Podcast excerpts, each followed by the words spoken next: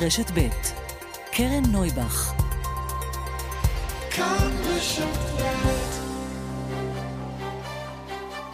סדר יום עם קרן נויבך, תוכנית אקטואליה אחרת.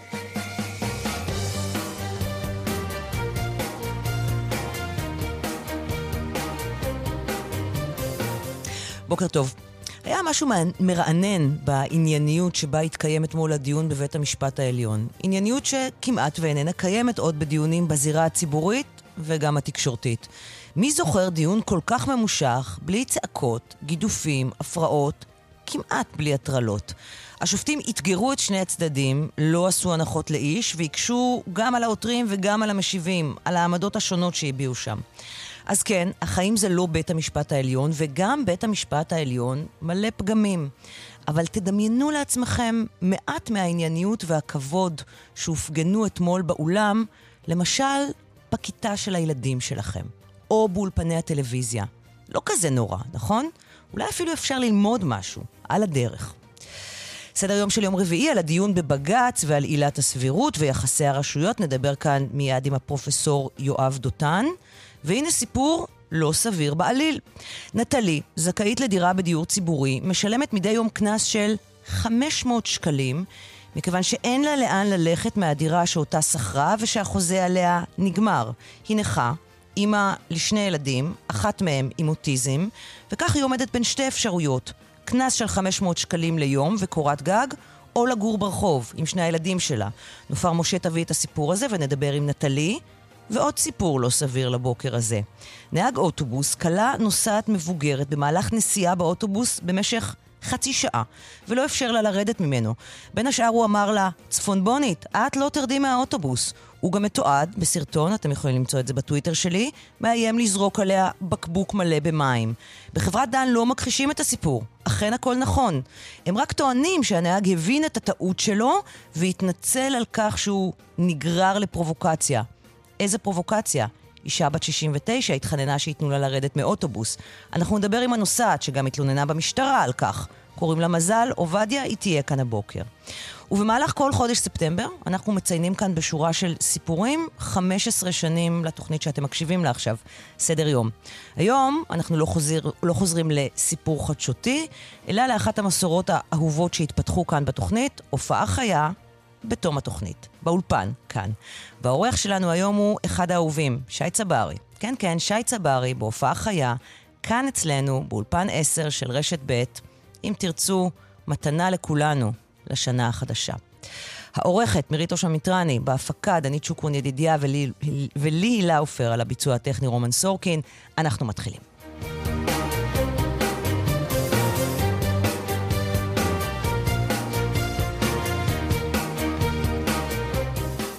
אבל, לפני הכל, כמה וכמה עדכונים. תכף נגיע למזג האוויר. אם הגעתם כבר לעבודה, בטח היה לא פשוט היום. הרבה גשמים, חלקכם מדווחים לנו על פקקים שנמשכו הרבה יותר מדי רגיל, אבל עוד לפני כן, אנחנו רוצים לשמוע פרטים חד... חדשים שמביא כתבנו לענייני משטרה, משה שטיינמץ, על חקירת השוטרים שמעורבים באותו מעצר אלים של סוחר סמים ממזרח ירושלים, מה שהתגלגל לסיפור הידוע בש...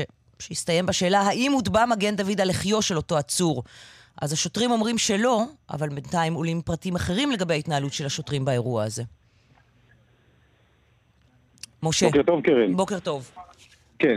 קודם כל אה, נגיד שגם ההתפתחות שיש אה, בחקירה, לפחות לפי מיטב ידיעתנו, או ליתר דיוק אנחנו לא יודעים, האם היא נותנת אה, מענה לשאלה הזו, האם השוטרים בעצם הטביעו באמצעות איזשהו כלי את אותו מגן דוד על לחיו של האסור הפלסטיני, או שזה אכן, כפי שטוענת המשטרה, מנהל של אחד השוטרים, אבל במחלקה לחקירות שוטרים, שבעצם חוקרת בשבועות האחרונים את התקרית הזאת, חלה התפתחות בחקירה בימים האחרונים, כאשר המחלקה מצליחה להגיע לסרטונים שמתעדים לפחות חלק מהתקרית. שוב, אנחנו לא יודעים אם הסרטונים שיש למח"ש מתעדים גם את הרגע שבו מוצבע אותו סימן ונותנים מענה לשאלה הזו, אבל יש לה סרטונים, וזה אחרי שמצלמות הגוף של 16 שוטרים שהיו אה, נוכחים ברגע המעצר לא פעלו, מתברר למח"ש שהייתה שם גם מצלמת גו פרו של אחד השוטרים וגם שוטרים שצילמו במכשירי הטלפון הסלולריים שלהם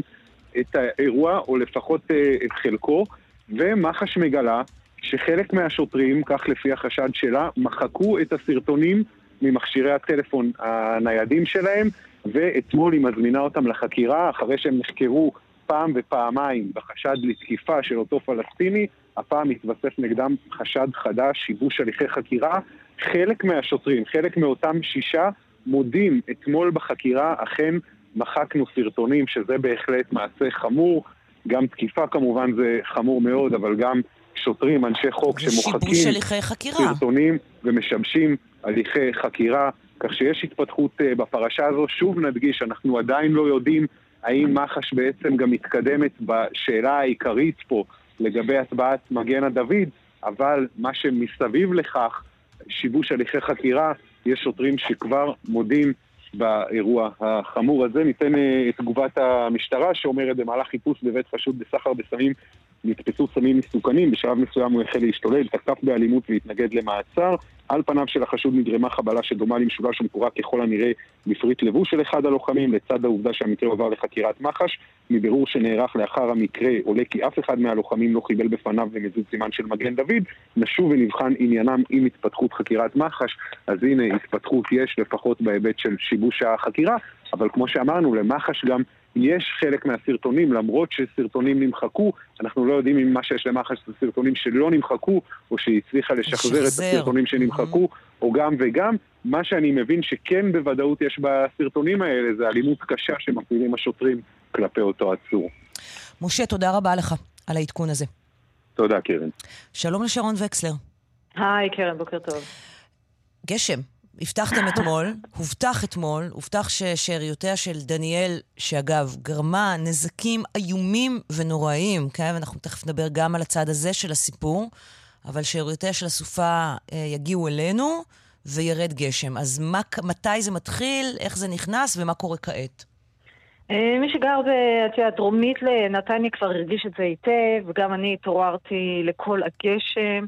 אה, שזו חוויה יוצאת דופן בתקופה הזאת, בטח בעוצמה שהגשם ירד בו. כלומר, אה, מי שיוצא החוצה באזורים האלה שציינתי, מרגיש היום יום חורפי לחלוטין אם הוא לא מתייחס לטמפרטורה, כי הטמפרטורה עדיין גבוהה, בכל זאת אנחנו בקיץ.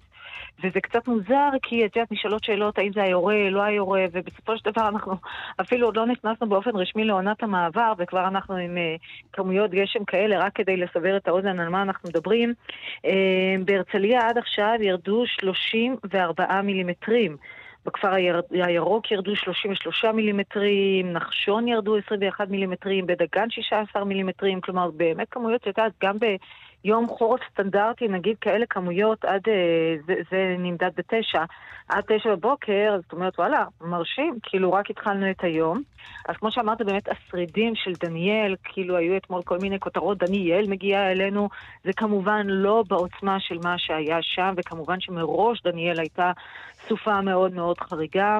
אמרנו, התחילה במרכז אה, יוון, הדרימה לאתונה, ואז ברגע שהיא הגיעה לים בחזרה, היא התעצמה בגלל שהים חם. אנחנו הרבה פעמים רואים את הדברים האלה בהוריקנים, איך הסופה הולכת ונבנית מעל הים החם, זה כמו מנוע כזה שבונה אותה מחדש, ולכן היא הגיעה ללוב הרבה יותר עוצמתית. לצערנו מלוב אין לנו מספיק נתונים בשביל להגיד איזה עוצמת רוחות, את יודעת, כמה בדיוק הגשם ירד. אין לנו את הנתונים האלה, אנחנו רואים בעיקר את הנזקים האדירים שהיו שם עם, עם עשרות אלפי הרוגים אפילו מדברים בשלב הזה, אז באמת משהו שהוא איום ונורא, ואז היא הלכה ונחלשה תוך כדי שהיא נעה לכיוון מצרים. עכשיו אנחנו באמת מקבלים את ה... שירת הברבור של uh, אותה דניאל שגרמה את הנזקים המאוד כבדים, אז זה uh, התחיל כבר אתמול עם האובך, עם הרוחות החזקות האלה שהרגשנו, והיום בשעות הבוקר הרוחות עדיין היו דרומיות מערביות, ולכן הגשם התחיל באזורים הדרומיים יותר, עזה, אשדוד, אשקלון, uh, עזה מדווחים כבר עכשיו על הצפות שם באזור הזה, כי כמובן שיורדים כמה עשרות מילימטרים בודדים, אם מערכות הניקוז לא פועלות כמו שצריך, אז זה מיד גורם להצפות. אשדוד, אשקלון, רחובות, ואז זה הצפין לכיוון נתניה, הרצליה.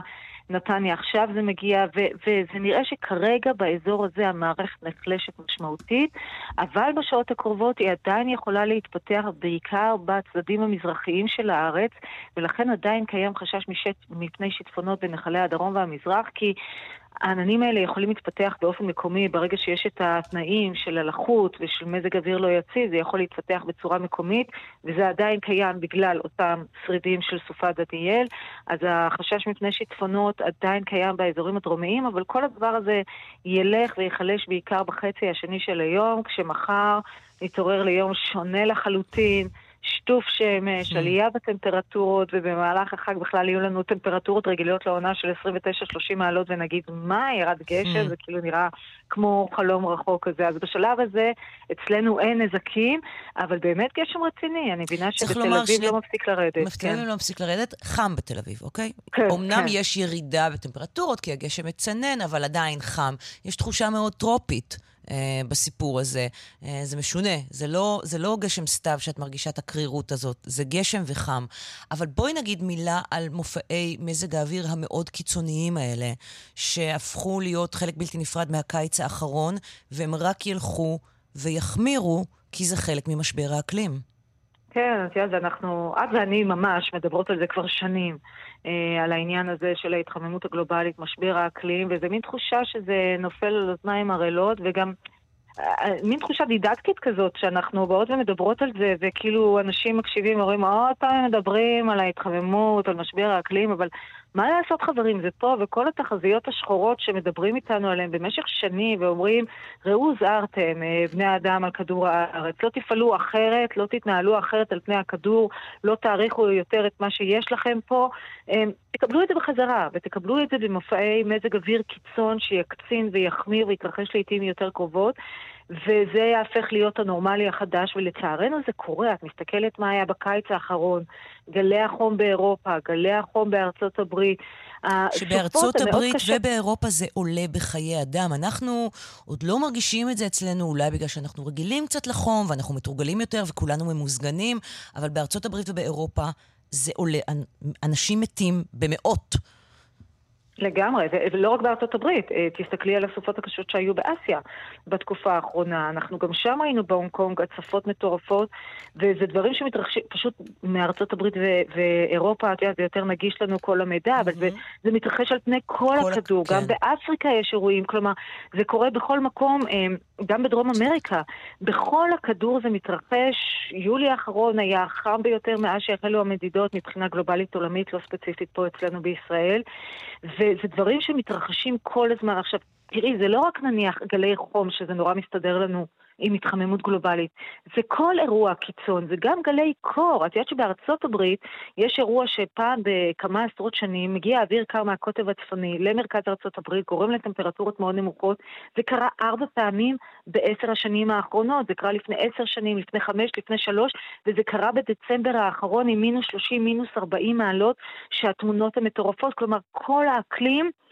משתנה לחלוטין, וברגע שהוא משתנה זה לא דבר טוב מבחינתנו, זה אומר שהוא הופך להיות, את יודעת, מטורף כזה, ומתנהל בצורות שאנחנו לא כל כך יודעים לעכל אותם. אני יכולה להגיד לך שעכשיו, על הסופת דניאל הזאת, יש לנו קבוצה של חזאים אה, ואנשי מקצוע, את יודעת, אה, בוואטסאפ, כבר יומיים דיברו לפני הסופה כמה גשם באמת ירד פה, ואם אנחנו באמת יכולים לחזות מה יהיה, כי כן. לא ראינו דבר כזה בתקופה הזאת. וגם כאילו יכולת החיזוי, מה... את אומרת, אה, קטנה, נפגעת, אתם אה, מצליחים להיות הרבה פחות מדויקים.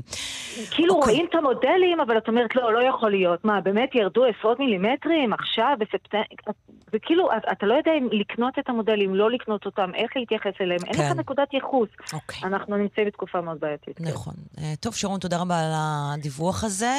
בשלב הזה, ותנהגו בזהירות ותיסעו בזהירות. יש הרבה פקקים ויש הרבה גשם, וזה גשם ראשון, ואני נשמעת כמו הרשות אה, למלחמה בתאונות דרכים, או הרלב"ד, או מה שזה לא יהיה, אבל כן, הכביש אה, מכל הקיץ עם השמן וכל זה הכי מחליק, תיזהרו. זה הזמן לנסוע בזהירות. Uh, תודה, שרון. ובהמשך ישיר לזה, בורות נפערו בכבישים בחולון ובהרצליה בעקבות הגשם. אה, לפי המשטרה, כוחות נמצאים בקרבת הבור ברחוב הופיין בחולון כדי לכוון את התנועה, ורחוב שירת גאולים בהרצליה נחסם לתנועה, אז אם אתם באזור ויש לכם פקקים ונמאס לכם, זאת הסיבה, ויונתן רווה שלנו כבר בדרך להרצליה. בהרצליה, יונתן? אה, שלום קרן, אני בדרך מחולון להרצליה. אה, בואי, אה, בוא, בואי נעשה קצת סדר. אז דיברנו, שמענו את שרון מדברת על הסופה דניאל שמתחילה להגיע לכאן, עוד פעם, בעוצמה אולי קצת פחות חזקה ממה שראינו בקפריסין וביוון ובלוב, אבל עדיין מרגישים אותה וגם מרגישים את הנזקים שהיא כבר גורמת. זאת אומרת, אנחנו מדברים על שלושה בורות שנפערו רק מהבוקר. שניים בהרצליה, אחד במשכית ואחד ברחוב שירת גאולים בדיוק, כמו שאמרת, ועוד אחד ברחוב אופאין וחולון שכוסה כבר. צריך להגיד, כרגע מחכים לאספלט, ואז הכביש יוכל להיפתח לתנועה חזרה. ומלבד זאת, אנחנו מדברים גם על עוד לא מעט רמזורים, גם מדיווחים שאנחנו מקבלים, וגם שאני רואה בעיניים שלי בדרך, שפשוט לא עובדים. זאת אומרת, הרבה מאוד רמזורים, חלקם עקומים, חלקם נשברו, חלקם קצת הוטו.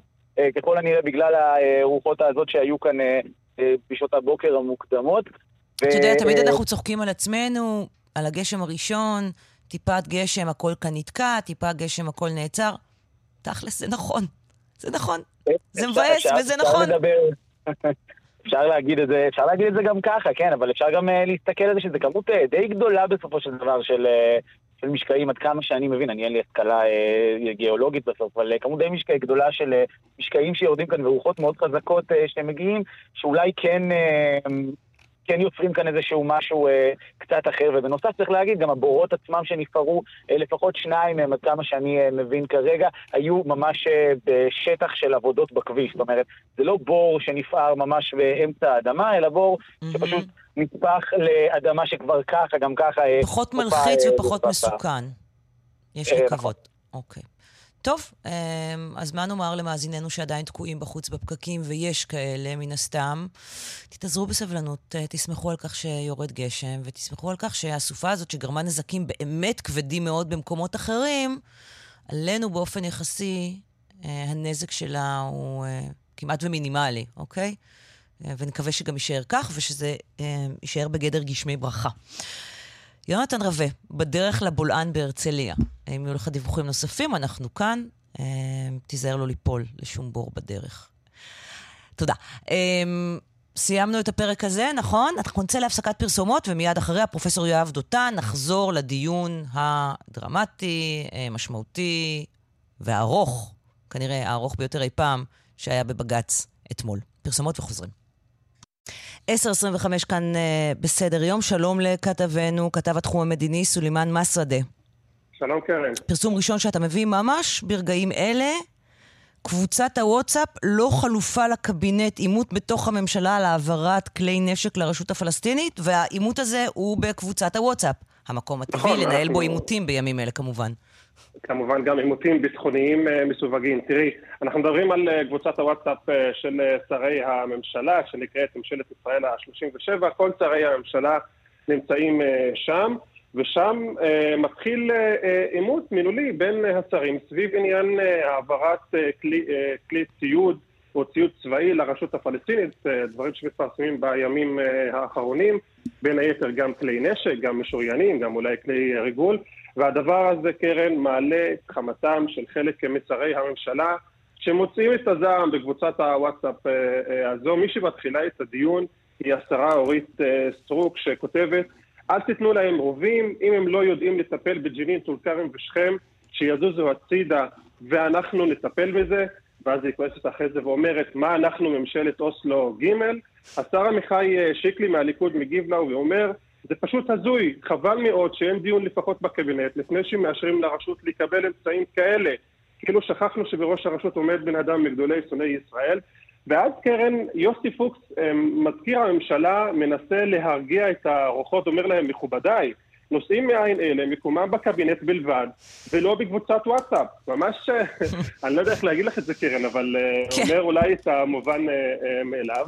וזה נמשך שם, השר עמיחי אליהו מעוצמה יהודית אומר, יוסי יקירי, אין לנו תשובות לעצמנו, זו לא רק שאלה של מה אנחנו מסבירים בתקשורת, זה לא עניין של קבינט בלבד, זה איך אנחנו ישנים אה, בלילה. והדיון הזה והעימות הזה אה, נמשך, אה, אה, כן, באמת התכתבויות רבות שאנחנו אה, אה, מפרסמים. עכשיו, לגופו של אה, אה, עניין, בעניין העברת הציוד, שרים בקבינט אומרים שבאמת לא היה איזשהו דיון, קבינט, דיון בקבינט על הדבר הזה, אפילו אה, בסביבתו של אה, סמוטריץ' תוקפים ואומרים שזה תשלום מס של נתניהו לגנץ כדי להקים איתו ממשלת שמאל, ממש בימים אה, האלה. אבל אני רוצה גם להגיד, קרן, שזה לא לגמרי מדויק שלא היה דיון בקבינט. אני כן מבין מהשרים שלא היה דיון בקבינט על הדבר הספציפי הזה, העברת ציוד צבאי לרשות הפלסטינית, אבל אני רוצה לקחת אותך כמה חודשים אחורה, אחד מדיוני הקבינט, שבסופו של דבר הקבינט מאשר לראש הממשלה ולשר הביטחון לקבל החלטות וצעדים לחיזוקה של הרשות הפלסטינית, כך שאפשר לגמרי לקבל את הצעד הזה כצעד לחיזוק הרשות הפלסטינית, אבל למרות זאת, אה, השר סמוטריץ' שלא לא אוהב את זה, גם השר בן גביר אגב, מוציא ממש עכשיו בעודנו כן, מדברים. בעודנו מדברים. אה, כן, הוא כותב, אדוני ראש הממשלה, אם לא תתחייב בקולך שהפרסומים אודות העברת אמל"ח למחבלי הרשות הפלסטינית הם שגויים, יהיו לכך השלכות. אם בכוונתך לחתור לממשלת אוסלו 2, אנא עדכן את שריך ואת הציבור ונפעל בהתאם. ממש דברים חריפים שאומר אה, אה, השר לביטחון לאומי וחבר הקבינט המדיני-ביטחוני, okay. אוקיי. השר איתמר כן. בן גביר. אה, טוב, סילמן, אני בטוחה, אני בטוחה שעוד יהיו הרבה הדים ותגובות לפרסום הזה שלך, ואתה תעדכן אותנו ואנחנו נחזור אליך אה, בהתאם לצורך החדשותי בהמשך השעתיים שלנו. תודה רבה. בהחלט, תודה. שלום לפרופסור יואב דותן. שלום. הפקולטה למשפטים, האוניברסיטה העברית. אני אשאל את המובן מאליו, צפית אתמול בדיון אה, בבית המשפט העליון בשבתו כבג"ץ? כן, ודאי. ודאי. מה חשבת עליו? אני חשבתי שזה היה דיון מאוד מאוד מעניין ומאוד מאוד יסודי לפעמים, בחלק גדול מהשאלות המרכזיות שהעסיקו אותנו לאורך עשרות שנים ביחס למשפט החוקתי שלנו. מרכז הדיון הוא עילת הסבירות. אמ, מה התרשמת מהעמדות שהשמיעו שם השופטים ביחס לחקיקה הספציפית שעליה אנחנו מדברים? מה עלה מהם בעיניך? תראי, קודם כל אה, צריך להקדים ולומר שתמיד מסוכן להסיק מסקנות נחרצות ממה ששופטים אומרים באולם הדיון. כי כל עורך דין מנוסה יודע של, שלפעמים מה שהשופטים אומרים זה לא משקף את מה שהם יכתבו בפסק הדין. הם לפעמים מנסים ללחוץ את אחד הצדדים שדווקא הם חושבים שהטיעון שלו חזק, mm-hmm. ומי ששומע את זה נדמה לו שהם הולכים לכיוון מסוים, וזה לא בהכרח המצב.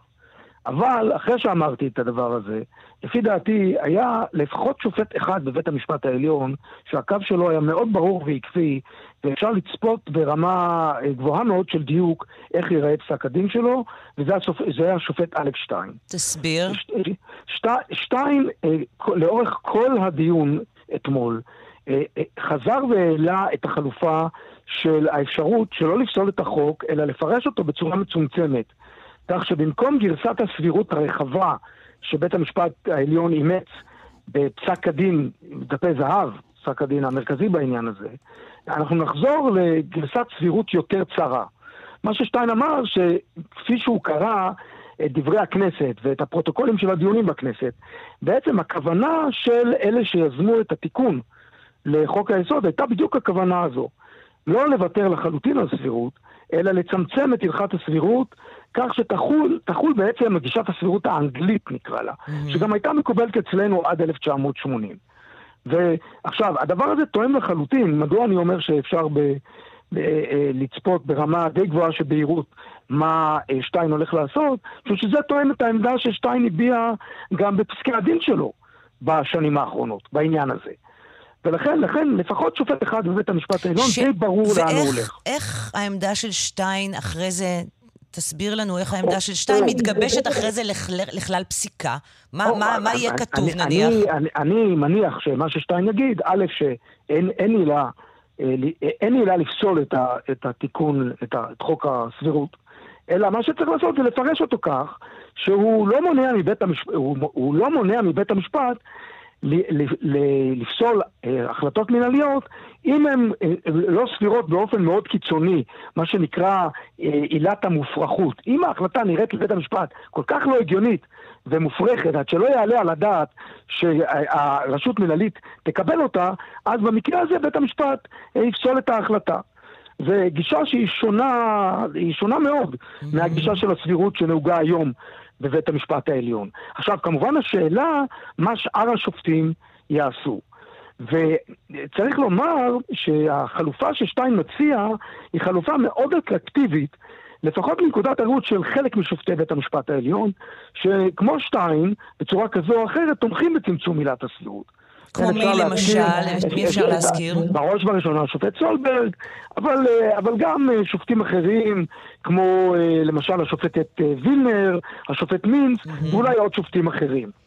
ולכן אה, די אה, נראה לי אה, שתתגבש לפחות קבוצה מסוימת של שופטי בית המשפט העליון, שתלך לכיוון הזה. ואז הדבר הזה אה, מציב דילמה רצינית מאוד בפני השופטים שתומכים בסבירות רחבה. כן, ויש שופטים כאלה מובהקים, נקרא להם במרכאות כפולות הברקיסטים בבית המשפט העליון, כמו השופטים פוגלמן, השופטת ברק ארז, הנשיאה חיות, השופטת ברון, הם יצטרכו לראות מה הם עושים, ול- ובפניהם עומדת דילמה. משום שמבחינתם להצטרף לגישה של שתיים בעניין הזה, זה קשה, כי הם מוותרים על חלק גדול מביקורת הסבירות שהם תומכים בה. אבל מצד שני, גם החלופה של ללכת ולפסול תיקון לחוק יסוד, כלומר תיקון חוקתי רק בגלל העניין המנהלי הזה של הסבירות, זה גם אופציה שמבחינתם היא לא פשוטה. ולכן הם יהיו בדילמה. אה, נגיד את זה כך, מבחינת אה, הנשיאה חיות, לכתוב פסק דין שבפעם הראשונה יפסול חוק יסוד, הלכה למעשה, כאשר אין לה תמיכה מקיר אל קיר של שאר השופטים, לעשות את זה ברוב דחוק, נגיד של שמונה שופטים מול שבעה, נאמר, זה דבר שהוא, זו חלופה מאוד לא אטרקטיבית. וזה גם משהו ו- שאין מה לעשות, הוא מאוד בעייתי ציבורית. ואני נכון, משוכנעת שה- נכון, נכון. שה- שהשופטים כן חושבים על העניין הזה. שח- חשוב להם לצאת עם פסיקה שתשקף, אתה אומר, הסכמה רחבה ככל האפשר. תראי, כן נכון, הסכמה רחבה בבית המשפט. עכשיו אני אגיד לך משהו, אם היינו מדברים כאן על השינויים בוועדה למינוי שופטים, או כל מיני דברים אחרים שהרפורמה של לוין מציעה לעשות, אין לי ספק שבית המשפט היה עושה את זה. הוא היה אומר, כי, כי בית, יכלת לשמוע מהשופטים את הקביעה שאם הכנסת מנסה לתקן חוק יסוד באופן שסותר את העקרונות הבסיסיים ביותר של שיטת המשפט בישראל, דיברו הרבה על הכרזת העצמאות אתמול, שהיא משקפת את מהותה של מדינת ישראל כמדינה יהודית דמוקרטית, אז בית המשפט היה הולך לשם. אבל לעשות את זה רק בגלל הסבירות, ו, ורק, וכאשר אין הסכמה רחבה בין השופטים בעניין הזה, זה נראה לי הרבה יותר מסובך. אתה הוזכרת בדיון אתמול. אמ, אה, השופט שייצג את, את הממשלה, אה, השופט, סליחה, העורך דין שייצג את הממשלה, עורך דין בומבך, אמר, אנחנו רואים אנשים שלא חושבים כמו האקדמיה, אז הם מנודים. ואז אה, הוא אמר, פרופסור דותן, הוא מתנגד לרפורמה, כי יש היום נורמה להתנגד לרפורמה.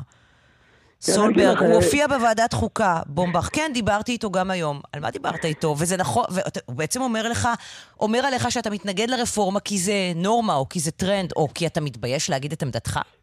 טוב, תראה, אני אגיד לך משהו, הדברים שבומבך אמר לא כל כך אה, ריגשו אותי, משום שבומבך הוא עורך דין שטוען אה, בכל רגע נתון מה שנוח לו.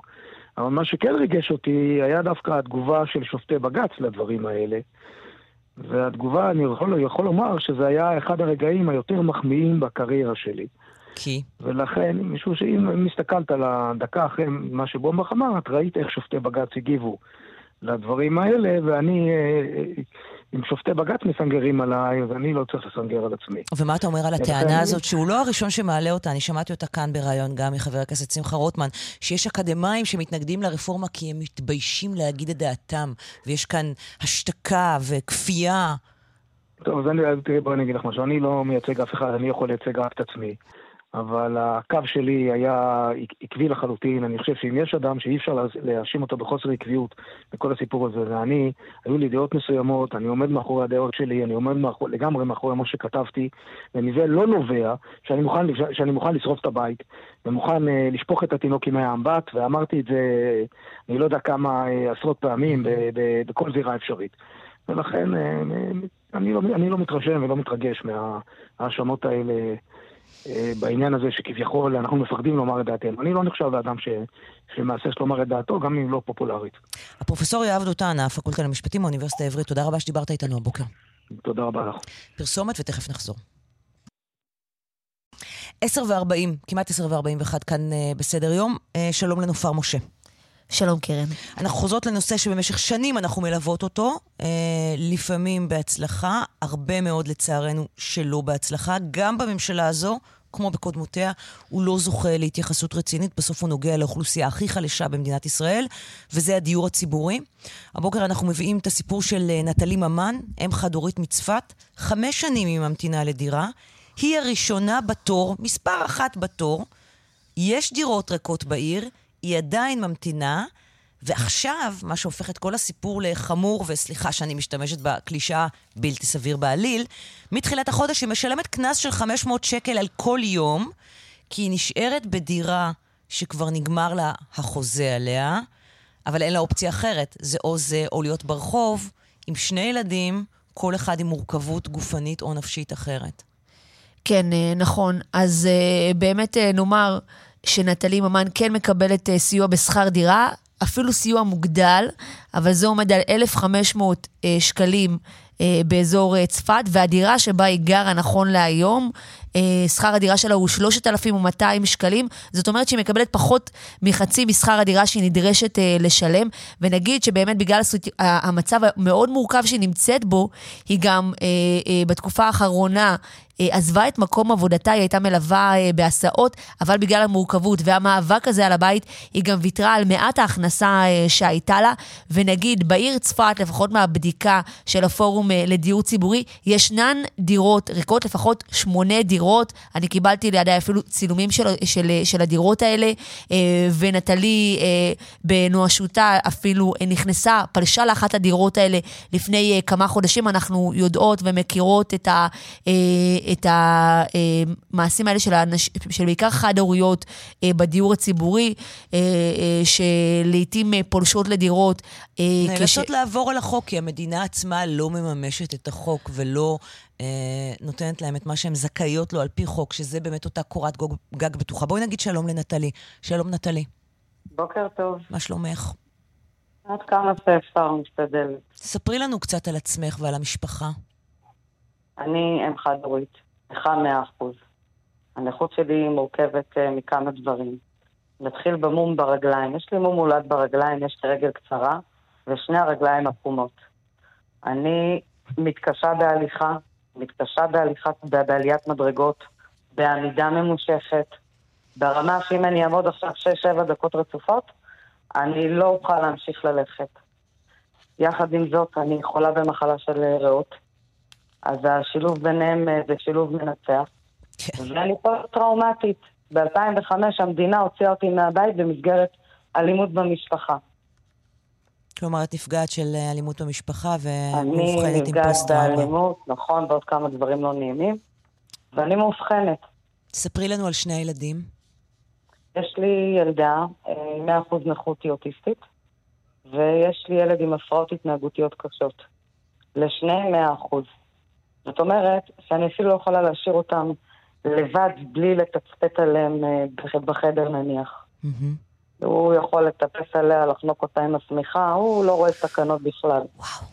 בני, כמה הם? אלין עוד מעט בצבע ואלמוג עוד מעט אה, בן שש. כן. וכל אלה, המצב המאוד מורכב שאת מתארת, מביאים אותך להיות זכאית לדירה בדיור הציבורי, אבל הזכאות לא מתממשת. כלומר, את מקבלת רק סיוע בשכר דירה. מה קרה עכשיו בעצם? איך הגעת למצב הזה שאת משלמת קנס של 500 שקל כל יום? אני, אה. יש לי בכלל סיפור בנפרד עם בעל הדירה. הגענו לבית משפט, יש פסק דין, שבו הוא אומר, על כל יום שאני נשארת בדירה אחרי ה-31 לשמיני, זה 500 שקלים. זה לא קנס, כמו שתיארתם, זה פסק דין. Mm-hmm. ואני לא יכולה לעשות עם זה הנחות. אז באמת, כל יום שאני נמצאת בדירה זה 500 שקלים. אז מה את עושה? איך את אה, משלמת את זה? אני כרגע מגבשת הלוואה מחשבון הבנק כדי לשלם את זה, כדי שזה לא יגיע להוצל"פ ואני אסתבך. Mm-hmm. גם בזה אני, אני אה, פוגשת קשיים בדרך. אה, מנהל עמידר אמר אנחנו נשלם. אחר כך שהוא הבין שהעורך דין הסביר לו שזה לא קנס כמו שהוא טוען שזה פסק דין, אז הוא אמר אני לא אמרתי. אני כנראה בהמשך הדרך אה, תובעת את מנהל עמידר. הוא גם החליט שאני לא נכה. הוא גם אמר שאני לא נכה, ואחר כך הוא אמר שגם את זה הוא לא אמר. אה, את מקום ראשון בתור בצפת. חמש שנים. חמש שנים. חמש שנים. מה אומרים לך בעמידר כל השנים האלה? אם את מקום ראשון בתור, מה, אף אחד אחר לא קיבל דירה כל השנים האלה? אז, אז זהו, בהתחלה זה התחיל עם הקליטה. שמישהו משך את כל הדירות לקליטה. כל פעם אני מוצאת בית, ואחרי זה אוכלסו בו אה, מישהו מהקליטה. אה, וכל הזמן הם אומרים, אין, דיר, אין דירות. אין דירות. הדירה שאני אה, פלשתי אליה זו דירה שעקבתי אחריה זמן מה, ו- והיא קיימת. אחרי זה אה, מיטל מהפורום הגיעה לצפת, וגילתה גם היא עוד דירות ריקות. עכשיו, הם טוענים שדירת קרקע זה לנכים רתוקים, שזה חוק ברזל. יש בידי שישה משפחות שאין לאף אחד מהם כיסא גלגלים בבית, והטענה שלפחות אחת מהן שאני יודעת שקיבלה את הבית, היא הטענה הכי הזויה שקיימת. הכי הזויה שתשמעי אי פעם. אנשים כן קיבלו בתים. אי אפשר גם לתפוס את כל הבתים ולהגיד הם לנכים. הדירה שאני מבקשת היא בכלל בקומה שלישית. אבל את יודעת מה הדבר הנורא? אה, נופר, שמה שאני שומעת פה גם, אז זה, זה, זה הקרב, כאילו, על, על, על, על הכלום, כן? הקרב על הדירות האלה, זה, זה תמיד מישהו בא על חשבון מישהו. נכון, אבל זה... נאמר, נאמר באמת בנושא הזה של נכים רתוקים, נכים רתוקים מקבלים תקציב ייעודי על מנת לרכוש דירות. זה נקרא, אלה דירות שנקראות דירות נר. המשמעות היא שכאשר יש נכה רתוק, משרד האוצר מקצה, מקצה כסף על מנת לרכוש את הדירות האלה, לכן לא מאוד הגיוני אה, אה, שיש שם דירות בעיר צפת שהן ריקות אה, ולא מאכלסים נכים. ואני אספר לך משהו נוסף, אה, קרן. אה, מסתבר שלשכת הרווחה בעיר צפת, של עיריית צפת, נמצאת בדירות דיור ציבורי. ארבע דירות שחוברו להן יחד. וואו. אז לשכת הרווחה בעיר צפת, המקום שאליו מגיעים אה, אותם אנשים אה, קשי יום, הדירות האלה נלקחו אה, מדיירי הדיור הציבורי והועברו לטובת אה, מבני ציבור. אנחנו מכירות את הסיפור הזה, זה קורה במקומות רבים. אנחנו רואים בתי כנסת, גרעינים תורניים, הרבה אנשים שנמצאים בתור הרבה לפני דיירי הדיור הציבורי, ובסופו של דבר, אם אנחנו אה, מסתכלות קצת אה, בתמונת המקרו, mm-hmm. אנחנו רואות כאן תמיד מאבק. אנחנו, אה, אני, אנחנו, אה, גם אני שומעת ממשרד השיכון אה, אה, על דיירי הדיור הציבורי שהם קשים, שהם מורכבים. אנחנו רואים כאן מאבק. בסופו של דבר, אוכלוסייה נזקקת שמגיעה וממתינה בתור גם שנים רבות, מבקש, אה, אנשים שמבקשים להיכנס לדירות האלה, ומוצאות בסוף במשרד השיכון אנשים... אה, אה, נהיה פה קרב, אה, ממש אויבים. נהיה פה קרב בין האנשים אה, שנמצאים במקום הכי קשה והכי חלש שלהם. נכון, כן, משרד השיכון נאבק באנשים האלה. עכשיו, אני, אני אומר, או, כאשר הגיעו... או בעצם מכריח אותם לכאורה להיאבק אחד בשני. למה זה קיבל? למה אני לא קיבלתי? חכי שנייה, אני, אני, רגע, שנייה. אני רוצה להגיד, אני רוצה לשתף בשיחה את מיטל. שלום למיטל כהן, פעילה בפורום הדיור הציבורי. שלום מיטל. בוקר טוב לכם. בוקר טוב. יצאת לצפת. כן. לבדוק מה קורה בשטח. כן, כמו שאני לנו. עושה בכל הארץ. נכון. Uh, ככה, קודם כל אני מיטל כהן, אני uh, מובילת שטח בפורום הדיור הציבורי, אני דיירת דיור ציבורי, מתוך המאבק האישי שלי מהילדות. Uh, ישר קמתי והחלטתי שפה צריך לדאוג לדיור הציבורי במדינת ישראל, ואני עושה את זה יפה מאוד וכמה שאפשר, דרך, יחד עם הפורום לדיור ציבורי. ככה, הגעתי לצפת, הכרתי את נטלי, ישר אני... זה היה תמוה בעיניי, כל הסיפור שלה זה התעללות, אה, ממש התעללות, רמיסה של בן אדם. אה, הגעתי לצפת, ישנתי אצל נטלי, עשיתי שם סיבוב אה, באזור, ולתאדמתי גיליתי דירות ריקות, עומדות ריקות ככה, כאילו אפילו הן לא מטופחות, שהשיחים כבר טיפסו עליהם, אה, דירות עם בלוקים, עם אה, דירה מרותכת. כלומר שזה ברור שזה לא דירות שעכשיו אה, משמישים אותם לדיירים לא אחרים. לא משמישים אותם ולא שום דבר, ואני כבר עוקבת ארבעה חודשים ארבע... על שמונה דירות, ושום דבר, שלא קורה איתם כלום. הזאתי, גם הדירה הזאת שהיא אה, מתאימה לשטחים המוגבליים של, אה, של נטלי. נטלי. Mm-hmm. אז גם כן את זאתי, אני במעקב אחרי ארבע חודשים, אני הולכת כל פעם ומצלמת אותה מחדש, ואני רואה אותה מרותחת, כי אני חייבת- ואף אחד לא נוגע בה. אני חייבת להקריא רגע לא שנייה. מיטל, אני חייבת, אה, תכף נקריא, נביא את התגובה המלאה של משרד השיכון, אבל החלק שמתייחס למה שאת מספרת אליו, הם, הם אומרים כך, כלל דירות הדיור הציבורי בעיר נמצאות בשלבים שונים של אכלוס, הליכים משפטיים להחזרה למלאי, ו/או שיפוץ דירות פנויות להקצאה. את אומרת, לא נכון, פשוט לא זה נכון. לא נכון, זה פשוט לא נכון. אז נאמר באמת אני- שעיריית צפת אה, כן כן אמורה להשיב את אותן דירות, אבל... עיריית צפת את כן אמורה להשיב את אותן דירות, אבל... אה, רגע, את יודעת שהם הפתיעו אותי בתגובה החדשה הזאת. כי מה? כי בדרך כלל כל הזמן הם אומרים לנכים מרותקים, לנכים מרותקים, ווואי, יש הקלטה בידי שהם אומרים, מנכ"ל מחוז צפון, מתשאל את מנהל עמידר, והוא אומר לו, אין לנו נכים רתוקים ממתינים בתור. אין. אז אם מישהו לא מכניס לי אצבע לעין ומסתובב ועושה לי דווקא, אז איך קוראים לזה? זה פשוט התעללות, הם פשוט מתעללים בי. תגידי, אני כל בוקר צריכה להרים את עצמי עם כוחות נפשיים מההתעללות שהם עושים לי. תגידי, איך הילדים בתוך כל הסיטואציה הזאת? איך... הם מסכנים, את יודעת למה? כי הכל ארוז, המשחקים שלהם ארוזים. הבגדי חורף שכבר קר בצפת בלילות ארוזים. אני, אין לי במה לבשל. אין לי במה לבשל, פשוטו כמשמעו. הם פשוט מתעללים בי. אני רוצה להקריא את התגובה. אמ, ונופר, אה, תעשי לנו פרשנות, מה שנקרא, כן? תגובת משרד השיכון.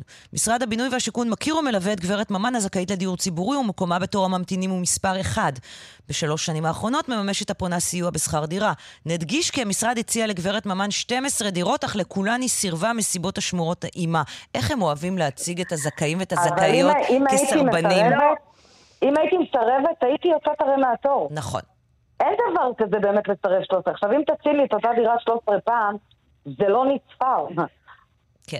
אני- אני חייבת להגיד משהו, בסדר? כן. כפעילה חברתית שבדיוק מלווה את אה, אה, נטלי, אה, אני רוצה להגיד לכם שזה משהו מכוון מעמידר אה, להשמיץ את נטלי.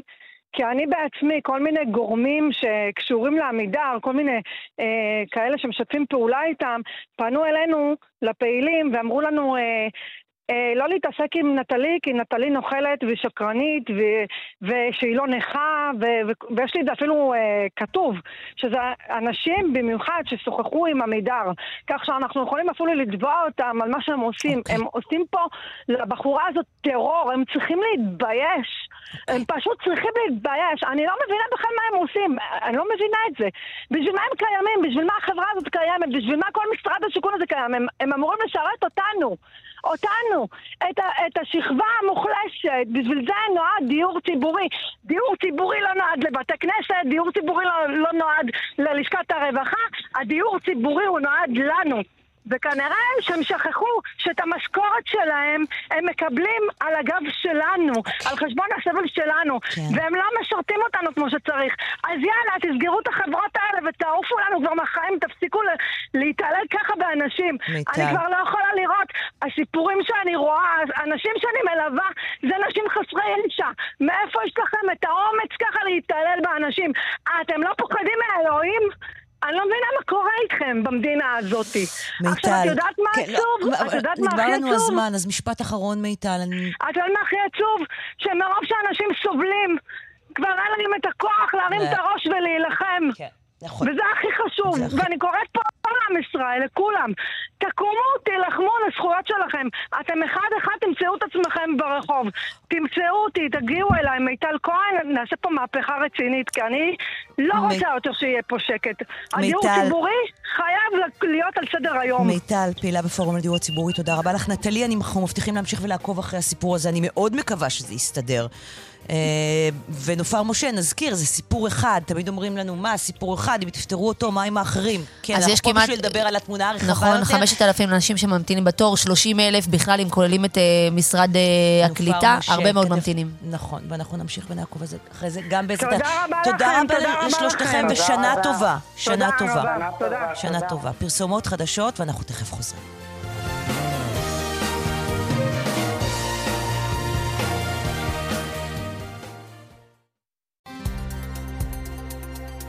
רשת ב' קרן נויבך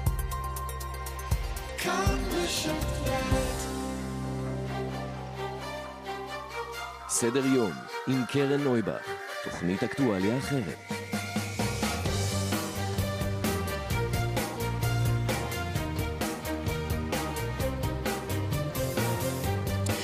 בוקר טוב, 11 וחמש דקות, שעה שנייה של סדר יום. תכף, כמה וכמה עדכונים אקטואליים, הסיפור של אה, סולימאן מסוודה מהשבוע, מהשעה הקודמת, איזה שבוע שעבר. מהשעה הקודמת כבר מעורר עדים וכבר יש הכחשה וגלנט מכחיש, תכף נתעדכן אה, בכל הפרטים החדשים. אחרי זה נביא כאן סיפור באמת, איך נאמר, אחד היותר משונים ולא ברורים וקשים שהבאנו כאן מזה זמן. נהג אוטובוס, קו 9 בתל אביב, כלה נוסעת. באוטובוס במשך חצי שעה. לא אפשר לה לרדת מהאוטובוס. קו 9 בתל אביב במוצאי שבת, היא רצתה להגיע לחוג, הוא אמר לה, את צפונבונית, את לא תרדי מהאוטובוס, והיא הייתה תקועה חצי שעה באוטובוס. זה, זה הסתיים בכך שהוא מאיים עליה שהוא יזרוק עליה בקבוק. היא איכשהו הצליחה לצלם, אישה מבוגרת, מאוד פחדה. היא התלוננה בדן, במשטרה, אף אחד לא התייחס אליה. היום אנחנו מביאים את הסיפור כאן אצלנו, אולי בעקבות זה יתייחסו לזה קצת יותר ברצינות. אבל הדבר הכי כיפי שהולך לקרות היום, ולא אמרתי את המשפט הזה כל כך הרבה זמן, זה ששי צברי באולפן. אה, איזה כיף לי. בוקר טוב. איזה כיף לי. איזה כיף ממש. לנו.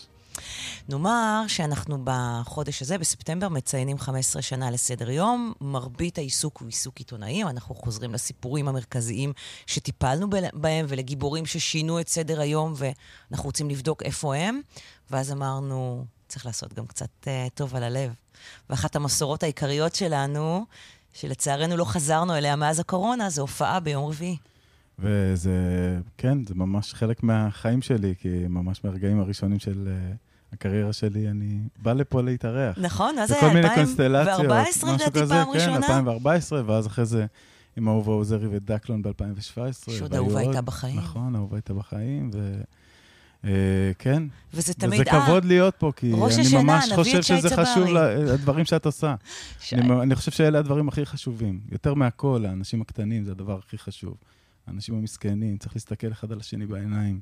ולחמול אחד על השני, ולראות אחד את השני באמת, ולעשות אחד בשביל השני טוב. וזאת הסיבה שאני פה, אז מזל טוב על 15 שנה של עבודה עיתונאית חשובה באמת באמת. תודה, שי, ותודה על זה שאתה מייצר את המוזיקה המדהימה שלך, שאנחנו נשמע ממנה אחרי שנגמור כמה וכמה סיפורים אקטואליים חשובים. אני אקשיב. אתה תקשיב, כמובן. אז uh, עוזי רמירז על הגיטרה, אהלן עוזי. אהלן. אהלן, אהלן. Uh, וזהו, ויהיה כיף. וזה מתנת ראש השנה מאיתנו לעצמנו ולכולכם, מאזינים יקרים. כן, בדיוק, אשרינו. שי, שי לחג. ממש, בדיוק, שי לחג, בדיוק. איך לא חשבתי על זה קודם? שי לחג. טוב, אה, אז זה קורה עוד מעט. אל תלכו לשום מקום. אה, שלום לסולימן. שלום, שלום.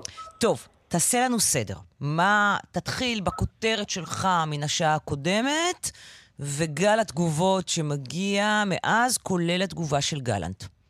תראי, אנחנו אה, פרסמנו מוקדם יותר את הציטוטים מתוך אה, קבוצת הוואטסאפ הפנימית של אה, ישיבת, של שרי הממשלה, שלמעשה עצבנים מאוד על כך ועל הדיווחים שישראל אישרה העברת כלי נשק, או, או נשק צבאי נקרא לזה ככה, או ציוד צבאי, לרשות הפלסטינית. הדיווחים האלה, קרן, מתגלגלים בתקשורת הפלסטינית והבין-ערבית כבר אה, כיממה, ושרי הממשלה לא מצליחים לקבל תשובה איך ישראל מאפשרת לצעד הזה אה, לקרות. וגם היום אה, הדיווחים האלה צוטטו כאן בכלי תקשורת בישראל, והשרים, חלקם גם שרי הקבינט, נזכיר צעדים כאלה, או חלקם לפחות, צריך להשאיר אותם בקבינט, והשרים זועמים על הדבר הזה. אנחנו זוכרים את תגובתו של השר איתמר בן גביר שאומר אם לא תתחייב בקולך שהפרסומים אודות העברת אמל"ח למחבלי הרשות הפלסטינית הם שגויים, יהיו לכך השלכות. כך הוא אומר, וגם אחרי זה השר סמוטריץ' שבסביבתו מתדרכים שהצעדים האלה וגם השיחות בבית הנשיא זה צעד של נתניהו להקים ממשלת, ממשלת שמאל עם גנץ, לא פחות מזה. וזה, אני לא יודע איך להגיד את זה כן, אבל מאלץ גל תגובות גם מלשכתו של שר הביטחון וגם תגובה מאוד חריגה מאלוף רסאן אליאן, מתאם פעולות הממשלה אה, בשטחים. נתחיל מתגובתו אה, או מהודעתו של שר הביטחון. בניגוד למצג השווא העולה מהדיווחים השונים, מאז כניסתו של שר הביטחון יואב גלנט לתפקיד לא אושרה העברת נשק או אמצעי לחימה קטלניים לידי הרשות הפלסטינית. כל ניסיון להציג את הדברים באופן אחר הוא שקרי וחוטא לאמת. הכחשה באמת גורפת של uh, uh, שר הביטחון, ואחרי זה ההודעה של מתפ"ש. אין כל שחר לפרסומים השונים בנושא, נבהיר כי לא עברו נשקים לרשות הפלסטינית במהלך השנה האחרונה. אז מה כן היה, קרן? מה כן עבר? כן. אנחנו כן מבינים שבשבוע שעבר, דרך מעבר אלנבי, הועברו עשרה כלי רכב ממוגנים שהגיעו מארצות uh, הברית לרשות הפלסטינית. עכשיו, דבר כזה לא יכול לקרות בלי אישורה של ישראל, ואת זה, זה הרשות, הרשויות כאן בישראל כן אישרו. אבל למרות זאת, אה, אה, קרן, יש זעם כאן בממשלה על הדבר הזה. אומרים דבר כזה צריך לאשר בקבינט המדיני-ביטחוני, ולא תופתעי לגלות שיש שרים שאומרים, זה אושר עוד בממשלתו של בנט. Hmm, איזה לא כיף שאפשר מ... להאשים את בנט בכל דבר. טוב שיש בנט, חסוך שלא יחסר. נכון, וכפי שאמרנו, גם uh, שרי הממשלה כועסים על הדבר הזה, אבל בסופו של דבר, um, בצורה הכי חד משמעית שיש, יש הכחשות כאן מגורמי הביטחון הבכירים. עכשיו לא אני, אני אגיד לך מה יהיה. רכבים מוגנים. כן, כן, עכשיו הדיון יהיה, האם רכבים ממוגנים אינם בעצמם סוג של אמל"ח? כן? התפתח כאן דיון עמוק אה, וחפירתי בנקודה הזאת, שיסתיים בזה שכל צד יאשים את הצד השני, וזאת תהיה עוד הזדמנות אה, לשרי עוצמה יהודית והציונות הדתית לתקוף את גלנט, שגם ככה הוא מושא להתקפות שלהם, אה, והם ימשיכו הלאה. אני מניחה שזה מה שיקרה. אה, אה, אינני מומחה ביטחון, אבל אני כן יכול להגיד לך מה גורמי הביטחון אומרים בישיבות רגע, ובלומנטל מדייק אותנו, איתי בלומנטל כתבנו לענייני צבא, אם רוצים לדייק, שמונה כלי רכב ממוגנים. שמונה כלי רכב. ולא אוקיי. עשרה. אגב, זה לא הפעם הראשונה. נכון, זה ממש לא הפעם הראשונה. תראי, אני כן יכול להגיד לך מה גורמי הביטחון אומרים בישיבות uh, הביטחוניות, וחלקם גם בקבינט המדיני-ביטחוני לשרים.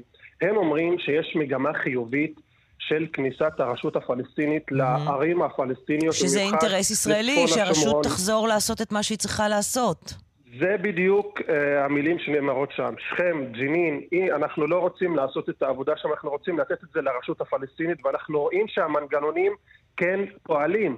יש עשרות עצורים על ידי הרשות הפלסטינית, עצורים של חמאס, של ג'יהאד uh, אסלאמי, של גובה האריות, וישראל אומרת, אנחנו רוצים לתת לרשות הפלסטינית לעשות את העבודה הזאת, לתת לה למשול בערים הפלסטיניות. אני מניח שגם שמונה כלי רכב ממוגנים זה חלק מזה, במיוחד שבאמת הנשק האוטומטי מסתובב בשטחים בכמויות מטורפות, וראינו גם לא פעם אה, ניסיון של כניסת הכוחות של הרשות הפלסטינית לערים פלסטיניות, ואיך זה אה, אה, התקבל בירי מטורף של החמושים ברשות הפלסטינית.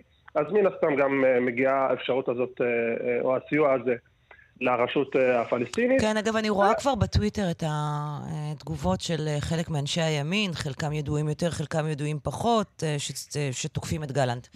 זה, זה, הסיפור הפוליטי פשוט תהיה מתקפה על גלנט. כן, נכון, משפט אחרון. נכון, אבל רק הערה, mm-hmm. לדייק את האנשים שאומרים שלא היה דיון בקבינט. אני, ואנחנו גם אמרנו את זה בשעה הקודמת, אבל כדאי גם לחזור על זה שוב. אנחנו, אה, אני כן מבין משרי הקבינט המדיני-ביטחוני שלא היה דיון ספציפית על הדבר הזה, אבל בדיו, באחד מדיוני הקבינט לפני כמה חודשים, השרים, שרי הקבינט, כן הצביעו בעד, אה, אה, בעד זה שראש הממשלה ושר הביטחון יקבלו החלטות לבד לחיזוק הרשות הפלסטינית. אני מניח ששמונה כלי רכב ממוגנים זה מחזק את הרשות הפלסטינית, וזה לא לגמרי נכון להגיד שלא הצבענו על זה. סולימאן, תודה רבה לך על הסיפור הזה. תודה.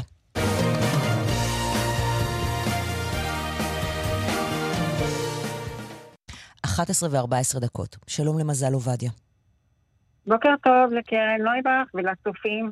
נכון, גם צופים, אכן צופים. אנחנו גם בטלוויזיה. צופים ומאזינים. מה שלומך הבוקר? אה, בסדר, מתרגשת קצת לקראת הרעיון. אה, שמחה שזה הגיע סוף סוף. ספרי לנו מה קרה, אנחנו מדברים על ה-29 ביולי, מוצאי נכון. שבת.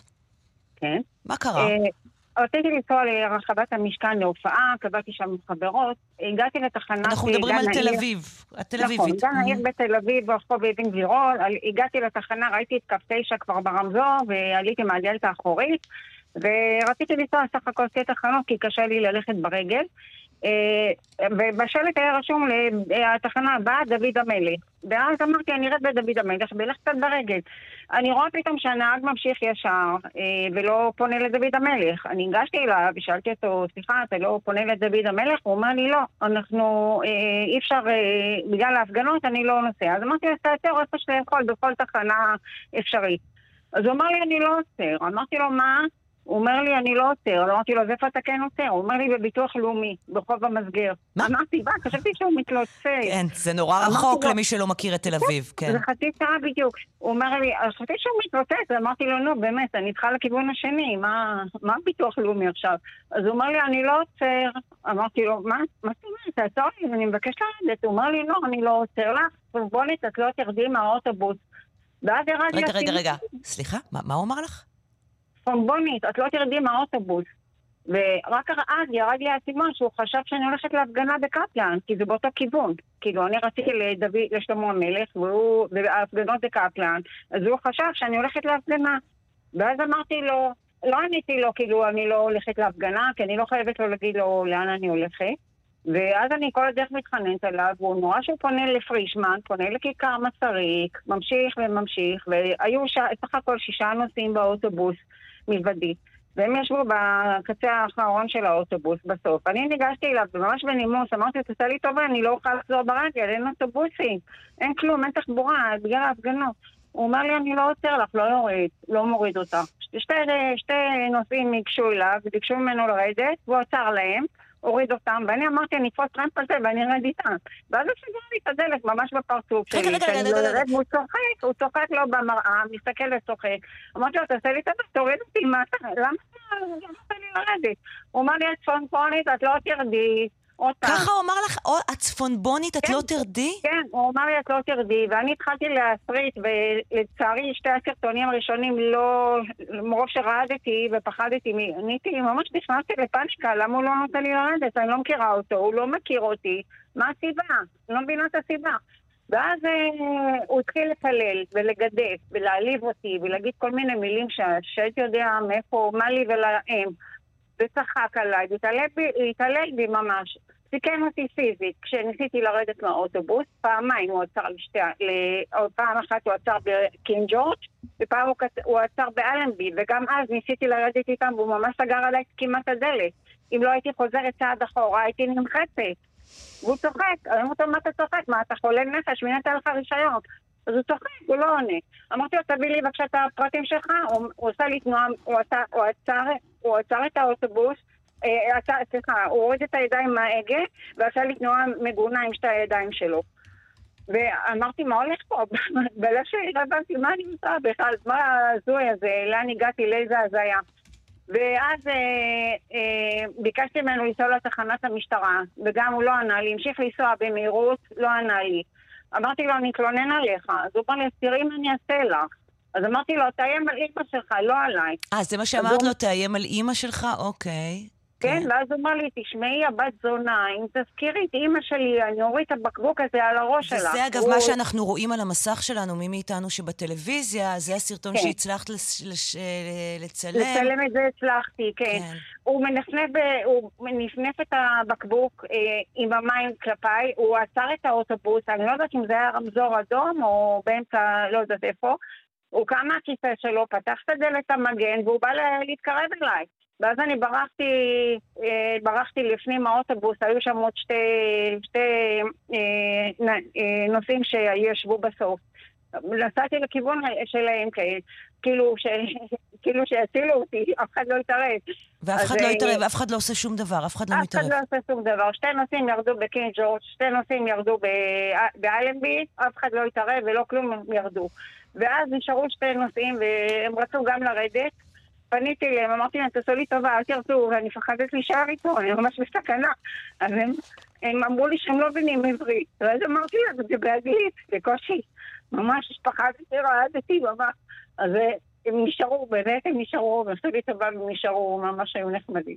ואמרתי לנהג, תעשה לי טובה, תוריד אותי מהאוטובוס. אז הוא אמר לי, לא, אם יוריד אותך, אני לא אוריד אותך.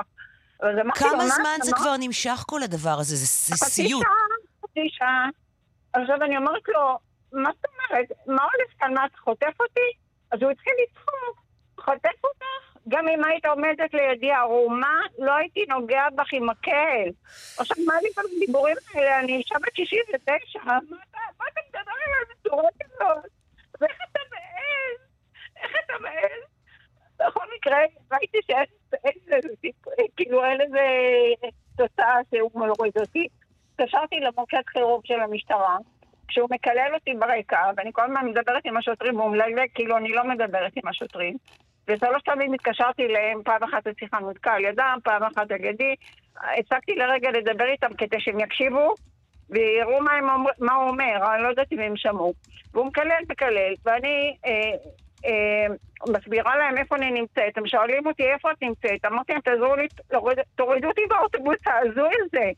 אז הם אמרו לי איפה את נמצאת? אמרתי להם באלנבי. השיחה הראשונה שעשיתי זה היה באלנבי. ואז הם אמרו לי, ואיפה אתם עכשיו? בכיכר המושבות, ואיפה אתם עכשיו דרך בגין, ואיפה אתם עכשיו? איזה סיוט. במקום לחבור אליי ולהוריד אותי כבר מהאוטובוס, הם חיכו לי בסוף הזה, ברחוב המסגר, פינת אה, יצחק שדה, שם הם חיכו. ושם בסופו של דבר הוא אפשר לך לרדת? רק שם? רק כשהוא ראה את הניידת. הוא, הוא נוסע נוסע, והוא צוחק בזה, ומקלל, ויורד עליי, ומה מה אתה רוצה מחיי? אז אה, אמרתי שאני אסור, אין אוטובוסים, אני אה, צריכה לחזור ברגל עכשיו בכל זה. לא מעניין אותו, הוא ממשיך לנסוע. אז המשטרה, היו איתי שש דקות על הקו, אני שלחתי לכם את ה... כן. שלחתי לכם את השיחה, את המוקלטת, וממש רואים איך אני מתחננת לשוטרים שיחזרו אליי ויורידו אותי מהאוטובוס. ואז אה, איך שהוא ראה את הניידת לפניו, הוא, הוא פתח את הדלת שאני ארד, ואני מרוב שמחה שוב פתחתי את הדלת, ירדתי, כולי רועדת. אז השוטרים אמרו לי, למה לא צילמת? אמרתי, ניסיתי לצלם, פחדתי שהוא יחזור רוורס וידרוס אותי. אז למה הם לא צילמו? למה הם לא דיברו איתו בכלל? הם לקחו ממני את הפרטים, ראו את הסרטון שצילמתי, שתי סרטונים, ואמרו לי, טוב, אז תגישי מחר תלונה במשטרה. למחרת הגשתי תלונה במשטרה מסודרת, אה, בכתב, בהדפסה. הגשתי גם תלונה לדן, חברת דן, גם טלפונית, גם בכתב. והם לא ענו, לא ענו, לא ענו, עד, עד אה, אתמול שקיבלתי בכתב אה, אה, את המכתב שלהם מהעשירי לשמיני כביכול. הם שלחו לי מכתב, עכשיו, את המכתב הזה אני התחננתי, כל פעם התקשרתי עשרות פעמים וישבתי על הקו שעות כדי לקבל את זה במייל. אמרתי להם, קיבלתם מכתב במייל? תענו לי במייל, מה אתם שולחים לי בדור, שאני אקבל עוד שנה? אז היא שלחה לי במייל רק לפני כמה ימים, אה, והעברתי לכם את התשובה שלהם. כן. התשובה שלהם מגבה את הנערה. לא, זהו, אז אני אקרא, אני אקרא את התגובה של חברת דן, כן. שהיא תגובה שערורייתית. נכון, אין הגדרה נכון. אחרת, פשוט תגובה שערורייתית. הנהג מועסק בדן משנת 2020 ועד המקרה המדובר לא נרשמו תלונות על התנהגותו. מה זה רלוונטי בכלל? הנהג הבין את, את טעותו והתנצל על כך שנגרר לפרובוקציה אני לא קיבלתי שום התנצלות מהנהג הזה. אחד, את לא קיבלת התנצלות, ושתיים, איזה פרובוקציה? על מה אתם מדברים? אתם, הם בעצם מאשימים אותך שעשית לו פרובוקציה, ושהוא נגרר לפרובוקציה. לא, זה, זה, דן, חברת דן, זו תגובה מעליבה. אה, שלא לומר פוגענית, ויש בה גם הוצאת דיבה. נכון. אה, אה, רגע, אני רק אגמור לסיים את התגובה, את הקריאת התגובה. נרשמה אזהרה בתיקו האישי, וככל שתתקבל בעתיד תלונה מסוג זה והיא תימצא מוצדקת, החברה תשקול את המשך העסקתו. דן תסייע למשטרה בחקירת המקרה ככל שיידרש. נאמר שהייתה תלונה, המשטרה, את התלוננת במשטרה, המשטרה סגרה את התיק, הגשתם ערר. בעקבות התלונה שהתקבלה ובהתאם לנסיבות הוחלט על גניזת התיק. לאחר שהוגש ערר, הוחלט על פתיחתו מחדש לצורך בחינה נוספת במטרה להגיע לחקר האמת. תגידי, קודם כל, זה סיפור מזעזע. זה, אני בכלל לא יכולה להעלות על דעתי מה אני הייתי עושה, מה כל אישה, מה כל גבר היה עושה, אם היה נקלע לסיטואציה הזאת. מפקיעים ממך בעצם את הזכות להחליט מה אתה עושה. את, את, את כלואה בידיו, את סוג של בת ערובה לגחמה לא ברורה. מפחידה של נהג אוטובוס שאני לא יודעת מה עבר עליו באותו רגע, והאמת, גם לא ממש מעניין אותי, הוא נהג אוטובוס, זאת העבודה שלו, הוא לא יכול להתנהג ככה. זה, זה, הוא, הוא סוג של עובד ציבור, הוא משרת ציבור. עכשיו, במכתב שלנו קודם, אה, שהם אה, קראו לו לשיחה ואמרו לו שעליו להביא את הנוסעים בביטחון למחוז חסם. זהו, זה נו שהם עשו לו. לא בבית ספרית, אני מתכוונת לתבוע אותם. ביקשתי פיצוי, הם לא מוכנים, היום קיבלתי תשובה שהם לא מוכנים לפצות אותי, וגם לא יענו לי בכתב על הדרישה הזאת. זה מה שהם כתבו לך. כן, תשמעי, אני לא, אני לא משפטנית, אבל, אבל אני לא משפטנית, וזה שווה ברור, ואנחנו נשמח לסייע בהקשר הזה, אבל נראה לי שלגמרי יש כאן מקום לתביעה. שוב, אני לא משפטנית, וזה גם לא ייעוץ משפטי, ואני מאוד זהירה, אבל... אה, קודם כל, אנחנו נמשיך ונעקוב אחרי הסיפור הזה. כן, אמ, כן, יש לי עוד מה להוסיף. משפט אחרון, אה, כן, בטח, בוודאי. נאלצתי לחזור ברגל 40 דקות מהמקום השומם שהוריד אותי, שלא היה שום תחבורה בגלל ההפגנות, מיצחק שדה פינת המסגר, עד שדרות שאול המלך, שחברות שלי חיכו לי באמצע ההופעה ושאלו אותי למה עכשיו את באה. ואז סיפרתי להם את כל הסיפור. בכל מקרה, אה, הוא לא התנצל בפניי, אף אחד לא התנצל בפניי, מכתב, מלבד המכתב ההזוי הזה שקיבלתי, וגם אתם, ששלחתי לכם את זה, וזהו, וזהו, זהו. זה כל מה שיש לי להגיד. מזל, מה את רוצה ש... את רואה מגונה, ותראי מה אני אעשה לך, ותשמעי, אני אוריד לך את הבקבוק על הראש, ואם היית עומדת לידי ערומה, מה זה הדבר הזה? איך הגעתי למצב הזה בכלל? למה? מי, מי הוא בכלל? שהוא מכיר אותי, לא מכיר אותי? מה? לא ברור. לא ברור, זה לא פעם ראשונה שיש תלונות כאלה. בדרך כלל נהגים מסרבים לעלות נוסעים לאוטובוס, אותי הוא סירב לרדת. כן. מזל, מזל, אני, אני רוצה להגיד לך תודה שדיברת איתנו וששיתפת בסיפור הזה, כי זה מסוג הסיפורים שחשובים שיצאו החוצה, שנהגי כן. אוטובוס יבינו שהם משרתי ציבור והם לא יכולים להתנהג ככה, ואנחנו נמשיך, אה, ואני מקווה שחברת דן יתעשתו על עצמם בסיפור הזה, ואנחנו נלווה אותך, אה, היה ותחליטי לתבוע. אנחנו כאן כדי להמשיך להביא את זה. אני מודה לך מאוד שדיברת איתנו, מזל, ואני מקווה... מודה לך, תודה רבה לך ולצופים שייהנו מהשידור הזה. נכון. שילמדו גם. נכון. תודה רבה. מזל עובדיה. תודה רבה. כאמור, הבאנו... ושנה טובה. ושנה טובה שתהיה לכולנו. שנה טובה. תודה רבה. פרסומת ותכף חוזרים. 11 ו-30 כאן בסדר יום, שלום אה, לליאל קייזר, ראש התחום הכלכלי אצלנו. שלום קרן, צהריים טובים. תקינה כמו באירופה. לכאורה. אה, כן, את יודעת, אנחנו שומעות את המנטרה הזאת כל הזמן מהשרים שלנו בחודשים האחרונים. אה, בוא נגיד שיוקר המחיה לא ממש ממש היה בראש סדר העדיפויות שלהם, והסיפור הזה של מה שטוב באירופה טוב לישראל הוא הבייבי שלהם. שמענו את שר האוצר אומר את זה, ואת שר הכלכלה אומר את זה, ואת ראש הממשלה אומר את זה, אבל בפועל העניין הזה עדיין... אה, נגיד, די רחוק מלהיות מיושם, אתמול, בזמן שהעיניים של כולנו היו על בג"ץ, התכנסה גם ועדת השרים לענייני יוקר המחיה, ובכל זאת העניין הזה התקדם קצת קדימה, התקדמנו עוד צעד אחד לקראת זה שמה שטוב באירופה באמת יהיה טוב בישראל, כשהמטרה של זה היא באמת לפתוח את השוק שלנו לתחרות ולהביא להוזלה ביוקר המחיה כאן. תוך כמה זמן זה קורה? תני לי הימור. אה, בכנות, כן. את יודעת, בתוך חודש, לכאורה, בתוך חודש, אה, אמורים אה, משרדי האוצר והכלכלה לנסח את החקיקה בעניין הזה. את יודעת, זה כנראה חודש בנטו, אנחנו, אי אפשר להאשים אותם גם, זה הולך להיות חודש וחגים, של וזה, חגים, כן, מעט כן. מאוד ימי עבודה וכן הלאה, ואז העניין צריך גם לעבור את ההתייחסות של משרד הבריאות, שעלול להיות חסם משמעותי כאן, ואז חקיקה וכן הלאה. כן, בואי נגיד אולי, אם יש לך רגע חצי מילה על מה שהיה אתמול, כי בעצם אנחנו ראינו פער אה, לכל אורך הדרך בין שתי תפיסות. מצד אחד, מה שאמרו במשרד האוצר ובמשרד הכלכלה, אה, מה שטוב באירופה טוב בישראל מבחינתם אומר שכל מוצר שנמכר באירופה אה, ובמדינות שמקובלות עלינו יכול להימכר כאן בישראל as is, בלי שיבדקו אותו, בלי שידרשו שיסמנו פתאום על האריזה דברים מיוחדים, בלי שיצטרכו להוכיח באיזה מפעל בדיוק המוצר הזה יוצר. מהצד השני, במשרד הבריאות לכאורה לא התנגדו נחרצות לאמירה הזאת, אבל באו ואמרו, בואו נאמץ את התקנים האירופאים שהם יהיו התקנים הישראלים.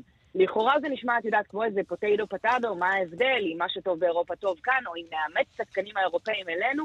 בפועל יש כאן תהום פעורה אם השרים היו בוחרים ללכת על הגישה של משרד הבריאות, זה היה הופך את האירוע הזה להרבה הרבה יותר מסובך, משאיר כל מיני תקנים ישראלים ייחודיים, באופן שבסוף תוקע את היבוא לכאן, ולכן הבחירה ללכת על זה שמה שבאמת נמכר באירופה יכול להימכר כאן as is, היא בחירה שיש לה פוטנציאל באמת להוזיל כאן את יוקר המחיה, שכשאנחנו מסתכלות, את יודעת, אנחנו רואות פערים של עשרות אחוזים, גם במוצרי מזון ארוזים, גם בטואלטיקה, בין המחירים שמשלמים באירופה לבין המחירים שמשלמים כאן אצלנו. ליאל קייזר, ראש תחום הכלכלי אצלנו, תודה רבה לך. שנה טובה, ליאל. שנה טובה, שנה של מוצרים זולים. ככל האפשר. יאללה, ביי. אמן. תודה. ביי. פרסומת, ותכף חוזרים עם שי צברי. שלום, שי צברי. אהלן, קרן. שלום עוזי רמירז. בוקר טוב, שלום. בוקר טוב, תכף צהריים. ושלום לרוני ורטהיימר באולפן בירושלים. אהלן, אהלן. גם 50 דקות של נסיעה לא יפרידו בינינו. 50? את, את אופטימית, קרן. מה זאת אומרת? ברכבת. אוקיי, נדבר על זה. ברכבת... כביש 6 נסגר, ירד גשם, הכל, הכל סגור. בגשם הראשון הכל קורה. כן, נכון. קורה, קורס. המאפרת אריקה המהממת שמגיעה אי שם מהצפון הרחוק של נתניה בערך, לקח לה שעתיים וחצי להגיע היום בבוקר לעבודה, בגלל הפקקים. כן, מי שנוהג הרבה יודע שהפקקים ממש החמירו בשנים האחרונות. ובכל חודש ספטמבר. כנראה. אבל לא על זה באנו לדבר. נכון. לא באנו לדבר, באנו לשיר. כן, נכון, באנו בעיקר לשיר, נכון. אבל אתם יודעים מה? בואו נעשה קצת, let's, נעלה קצת זיכרונות. אוקיי. קצת נעלה זיכרונות, טיפי נעלה זיכרונות. פעם, פעם, מזמן, לפני שבאה אלינו הקורונה, הייתה לנו פינה קבועה בימי רביעי. פעם זה היה בימי חמישי. עוד ברשות השידור, שהיינו משדרים ראשון, שני ושלישי ורביעי וחמישי. ושם שי, לדעתי, הופעת הפעם ראשונה, מה, 2014, רוני? מתי כן, שי היה אצלנו? כן, כן, 2014. אני חייב להגיד שבהרבה מקרים אני, אני הייתי זה שמביא את האומנים לאולפן, ואת לא הכרת אותם, והיית עושה שיעורי בית ובאה מוכנה, והיו גם כמה מקרים שהתאהבת. כאן היה מקרה הפוך. צ'י צברי, את ומירית יזמ, יזמתן פעם ראשונה להביא לאולפן. ו... חייבים להביא אותו. ואני התאהבתי. אתה. לא מבין מה זה. אני מבין טוב מאוד. אומרים שטוב שבאת, טוב שבאת אז וטוב שבאת עכשיו. באמת טוב שבאתי. באמת טוב שבאת. מה עבר עליך מ-2014? המון עבר עליך. וואו, רכבת הרים משוגעת וכיפית, לפעמים רק משוגעת. הופענו המון. גם עם הלהקה שלי אז, נבחרת הגרוף של המזרח התיכון, וגם עם הלהקה החדשה שלי, איחוד המתיקויות, בכל מיני הרכבים, בכל מיני צורות, עם כל מיני תזמורות, אנסמבלים. עשיתי עוד אלבום מאז. שני אלבומים. כן. ומי שלא ראה את שי צברי בהופעה חיה, לא ראה חפלה שמחה ואמיתית מימיו. אני מאוד מתרגש מזה, ואכן אני מתרגש מזה שיש מקום לכולם בהופעות. זאת אומרת שבאים אנשים מכל המגזרים, הגילאים, גברים, נשים, מבוגרים, זקנים, לפעמים שלושה דורות באים כזה. Mm-hmm. הסבא, האבא והבן, וזה ממש כיף, כאילו לראות את זה, לראות שאפשר להיות ביחד, שהביחד הזה הוא לא כזה... לא, הביחד הזה... יש, יש הרבה דברים שמאחדים בינינו, שמחברים בינינו, אז זה לא רק... אתה אחד מהם, שי. הלוואי. תראה איך... אנחנו, הקטעים האלה של המוזיקה תמיד היו סוג של בועה. אנחנו מנסים גם לשמור על זה כסוג של בועה, כי זה מפלט, כי אנחנו ארבעה ימים בשבוע טוחנים פה אקטואליה. סיפורים קשים ביותר, כן? ואז הרבע שעה, עשרים דקות הזאת ביום רביעי זה באמת המפלט. אבל, אבל היה חשוב לך להגיד את המשפט הזה שאנחנו יכולים להיות ביחד, כי אתה מרגיש שכבר כמעט אין מפלט, אה? זה חודר כל כי הזמן. כי אני מרגיש, כן, שאתה מאוד שהוא... קשה להימלט מזה, ושאנחנו באמת באיזה מין מאבק, או בבירור של הזהות שלנו כמדינה, כעם. ושאנחנו בתוך הבירור הזה צריכים לזכור שיש כל כך הרבה דברים שמחברים בינינו, ושהמקום הזה, שנקרא מדינת ישראל, בסוף, אחרי ששומעים את התוכנית, ושומעים את כל העוולות, ושומעים על הכל, בסוף זה נס. כאילו, בסוף זה פלא. נס בסוף אדיר. זה דבר ש... נס אדיר שחייבים לשמור לא עליו מכל מי שהוא לא היה. לא בהיסטוריה, כאילו, כבר לא איזה אל, אלפיים שנה הייתה הפסקה. בואו נשמר את זה, כאילו. אגב, לא, לא... לא צריך עוד הפסקה. כן, בדיוק, כן. לא, בדיוק. בואו, בואו רק נמשיך לקיים ולה, ו, ו, ו, ולהצליח עם מה שיש. כן, מסכימה לגמרי. טוב, אז בואו בוא נשאיר משהו.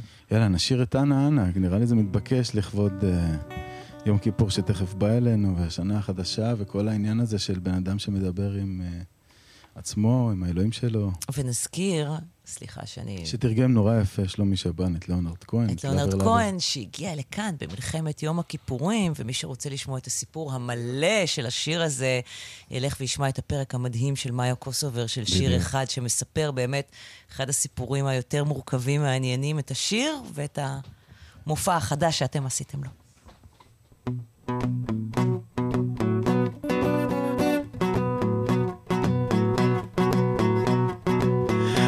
קראתי אבא, שנה את שמי בבקשה. זה שנתת לי עטוף בפחד, בלכלוך, ברעד ובושה. כן ואנה, אנה, אנה, אנה, אנה, ובנה חזרי אליי. אנה הגוף שלך הוא כלא. מבחן שהסתבך. הוא יכול להיות כלי נשק או סתם לגרום למישהי לחייך. כן ואנה נה נה נה נה ובנה חזרי אליי. כן ואנה נה נה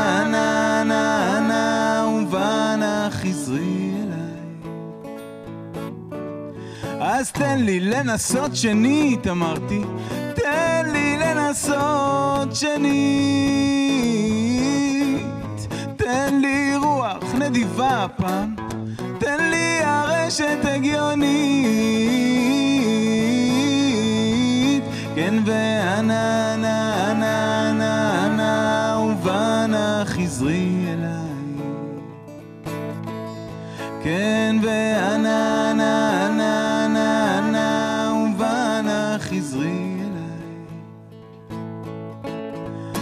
מימיי לא עזבתיך, הוא אמר, לא עזבתיך מימיי. כן, זה אתה אשר בנית מקדשים, אתה כיסית את פניי. כן, ואנה נה נה נה נה ובנה חזרי כן, ואנה נה נה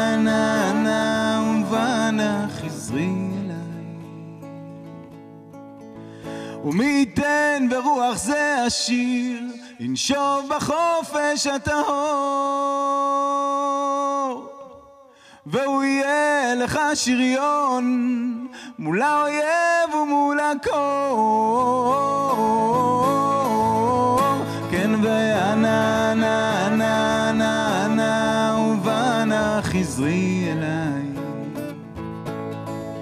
כן ואנה נה נה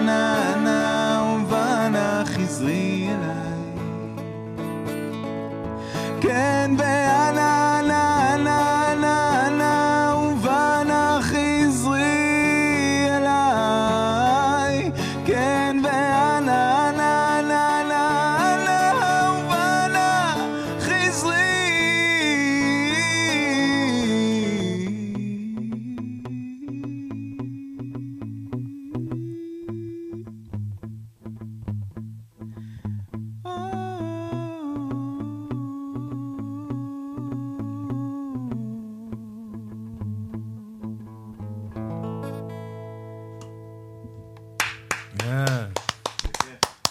איזה יופי.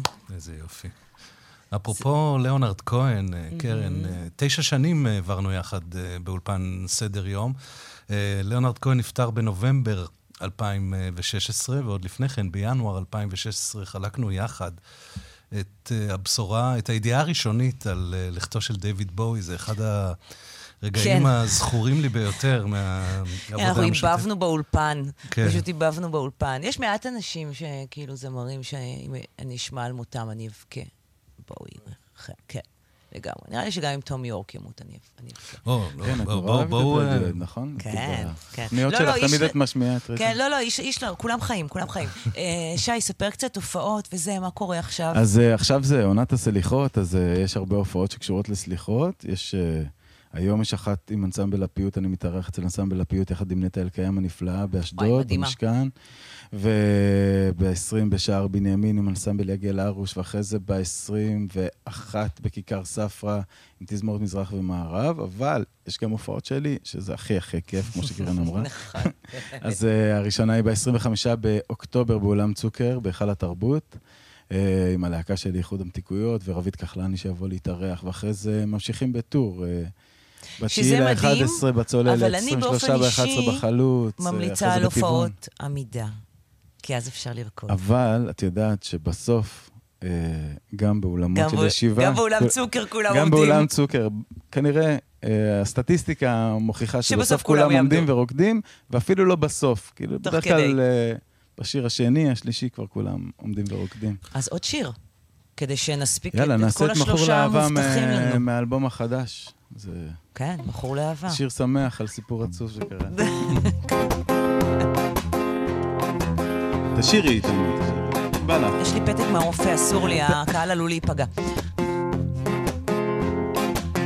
תגיד מכור לאהבה, מכור לאהבה, מתי מתי מתי תמצא את המכורה שלך, תגיד מכור לאהבה, מכור לאהבה, על ההרים טיפסתי, במערות חיפשתי, וגם פרחים כתבתי, אותה לא מצאתי, ימים רבים חציתי, נערות בכיתי, כוס תרעלים שתיתי, ואוי מה לי עשיתי, יווה איי איי איי תגיד מכור לאהבה, מכור לאהבה מתי מתי מתי תמצא את המכורה שלך? תגיד מכור לאהבה, מכור לאהבה מתי מתי מתי תדע? מתי תבוא תקווה? די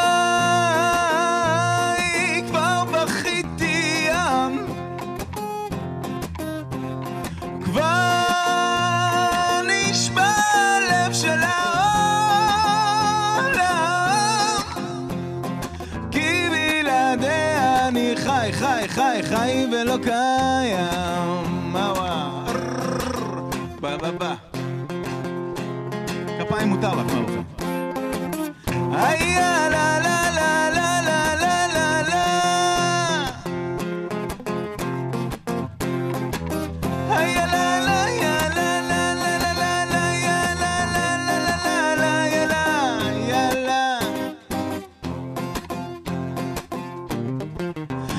מהדרום עליתי, ובצפון גיליתי, ראיתי איך הבלתי אפשרי יכול לקרות, איך שכמעט תפסתי, מול מבטה היססתי, ושוב היא נעלמה לי, שוב היא נעלמה לי, איי איי איי איי. תגיד מכור לאהבה, מכור לאהבה, תמצא את המכורה שלך, תגיד מכור לאהבה, מכור לאהבה, מתי מתי מתי תדע, מתי תבוא תקווה, די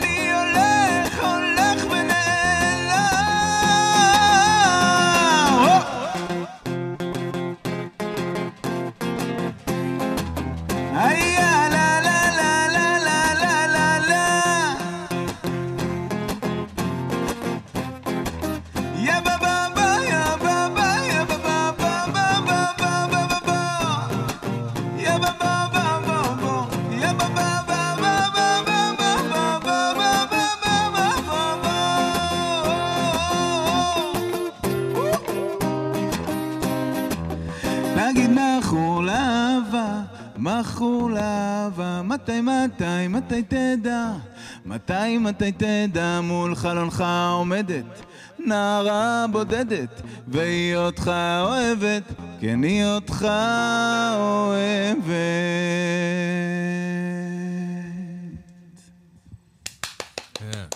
איזה יופי. איזה כיף. הכי כיף. הכי כיף. בוא'נה, יש לך אחלה גרוב. אבל אסור לי לשיר. אולי תצטרפי לתום יורק, לא? לא, לא, בסדר, הגרוב בסדר, כן, לא, יש קצב, אבל זה לא מסתדר עם התווים, כאילו, עם הסולמות. אני לא מאמין שיש כזה דבר... אה, יכול להיות. אנשים שמזייפים. כאילו, אני חושב שאם אתה, כן, אם אתה באמת... אני חושב שהילדים שלי, הילדים שלי אה, יחלקו עליך. אז זהו, אני חושב שיש תפיסה ש... יש תמיד הבדיחה, או, אמא שרה. יש תפיסה כזה, שיש כזה דבר שהוא שירה נכונה, אבל אין באמת. צריך לשיר מהלב, אם אתה שר מהלב זה עובד. זה אני מסכימה. לא משמר, עם זייפת ושרה מדהים. תקשיבו, יש לנו ארבע דקות. ובארבע דקות האלה אנחנו נשיר את... מעלי דממה. מעלי דממה. אה, ואם לא נספיק אה, לפני כן להיפרד ממאזיננו, מצידי נמתוח עם השיר הזה עד הסוף, נגיד תודה לעורכת מירית אושמה מיטרני ולמפיקות דנית שוקרון ידידיה ולילי לאופר, ועל הביצוע הטכני היה רומן סורקין, ומי... ואמיר שמואלי כמובן, ובירושלים, ודני רוקי בירושלים, והכי תודה לך, שי צברי. תודה, קרן. ולך, עוזי רמירז, ולך, רוני ורטהיימר. ברכות uh, ליום ההולדת, קרן. ושתהיה שנה נהדרת לכולנו. אמן. עכשיו ייפתחו שערי שמיים בזכות מעלה דממה. ותודה למאזינים, ושנה טובה, זו התוכנית האחרונה שלנו. ומתוקה, ומתוקה, ומתוקה. אנחנו נחזור רק בתשפ"ד, שתהיה שנה טובה ומתוקה, שיפה ושונה תהא. אמן. מוארת.